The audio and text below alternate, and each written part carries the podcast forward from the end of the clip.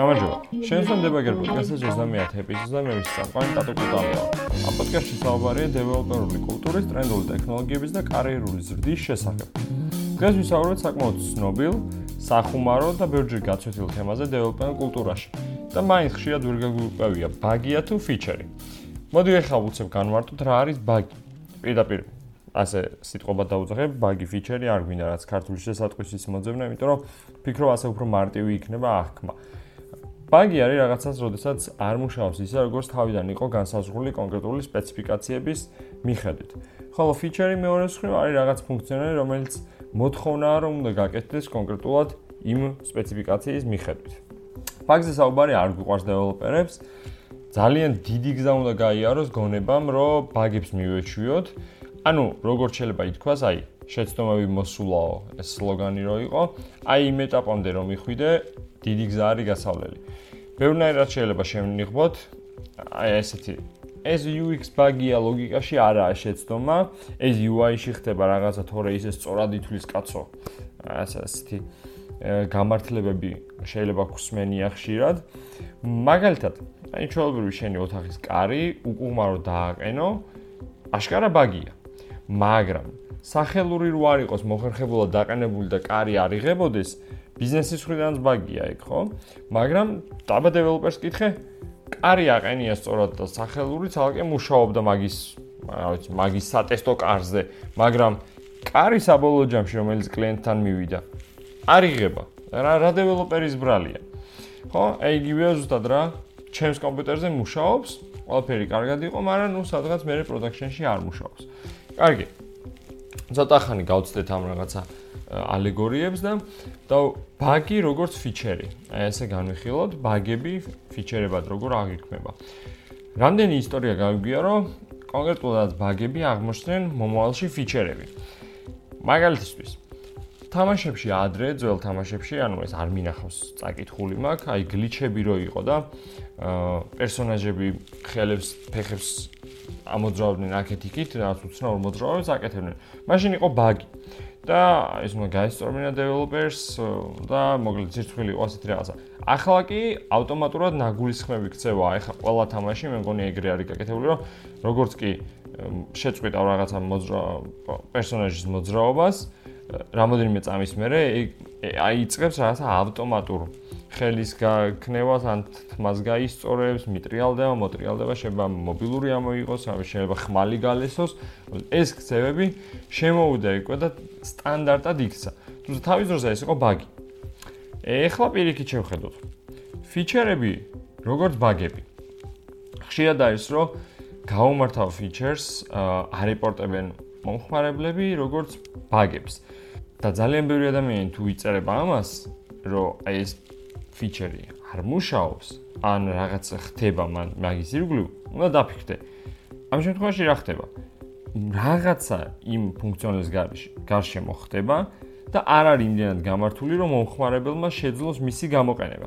შესაბამისად, ეგ ბაგია თუ ფიჩერი დიდი არსებითი მნიშვნელობა არ აქვს და ახსნი რატო ცოტა მომავალში.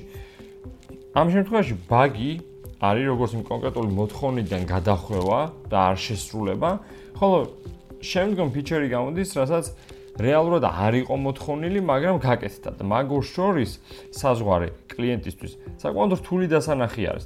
ჩვენთვის დეველოპერებისთვის ეს მკაფიო განსხვავება არის. ფიჩერს ახალი კოდი სჭირდება, ხოლო ბაგს ძირითადად სჭირდება იქვე რაღაცის ჩაფიქსვა.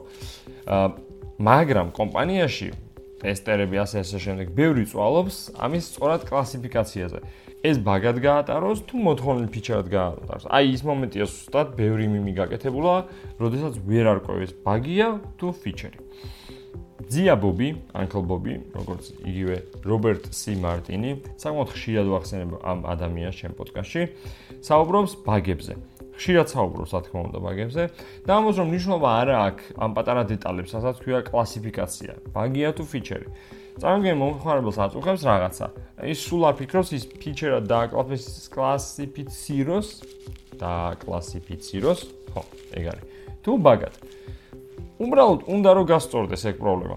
ჩვენ უნდა ვეცადოთ, რომ ეს რაც შეიძლება მალე გავასწოროთ და ზედმეტი თავის ტკივილი არ გამოვიწვიოთ მისთვის. და კითხვა ისმის ერთადერთი, როდის გამოსწორდება ეს რაღაცა პროდუქტში. აი უფრო მარტივად რო აღქვათ. გავამარტივოთ და რო არ უყუროთ მარტო ერთი მხრიდან. აი სახში რაღაცა გაფუჭდა წყალგაყვანილობაში და მოვიდა სანტექნიკი. დიდი ალბათობით ალბათ არ დაგვაინტერესებს ყველა ის დეტალი, რაც იქ ხდება. ანუ არ ვამბობ რომ არავის არ დაინტერესებს რა თვლი რო სანტექნიკა და ნებისმიერ სხვა რაღაცა ეგეთი საინტერესოა და ნებისმიერ პროფესია საინტერესოა, თუმცა მომხმარებლის გადმოსახედიდან მინდა რომ რაც შეიძლება მალე გასწორდეს ეს წყალგაყვანილობა და ვისარგებლო იმ ტუალეტით, შხაპით თუ რაც არის. და ხშირად არ მაინტერესებს ამის გამო იქ რა იყო? არასწორად იყო რამე დამონტაჟებული, რაღაც ის უკეთესად გადახვევამ ეს წყალი შეაჩერა თუ არა, ხრახნისადმე მოტყდა თუ არა და რამე დააკლა, ანუ ეს დეტალები ხშირად არ მაინტერესებს, უბრალოდ მაინტერესებს რამდენს გამომართმევს სანტექნიკი და რა დრო დასჭირდება რომ ეს გაკეთდეს. და სადმე ხო არ არის ნაწილზე გასაქცევი, გამოსაქცევი და ხო არ გაიწელება ეს პროცესი.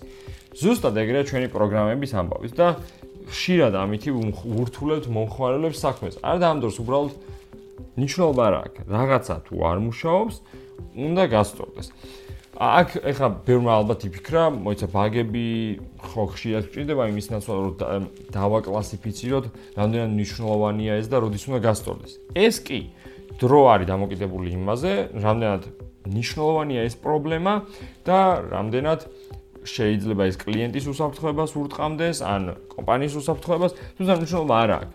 ხო, მაინც რაღაცად არის დარეგისტრირებული ჩვენ სისტემაში, რომ ეს უნდა გასწორდეს. ანუ ჩვენთვის მნიშვნელოვანია, რომ შევაფასოთ ეს რაღაცა გასასწორებელი რამდენად მტკივნეულია მომხმარებლისთვის და კომპანიისთვის, რომ ივანიჭოთ რაღაც პრიორიტეტი და შემდგომ ამ პრიორიტეტის მიხედვით გავასწოროთ. იდეაში სულ ეს იყო დღეისთვის. დიდი მადლობა ყურადღებისთვის. თქოთ მოიწონა Facebook გვერდი, iTunes-ზე review დაწეროთ და გააზიაროთ, რომ სხვებმაც გაიგონ ამ პოდკასტის შესახებ. ნახვამდის და შევხვდებით შემდეგ ეპიზოდში. Thank you.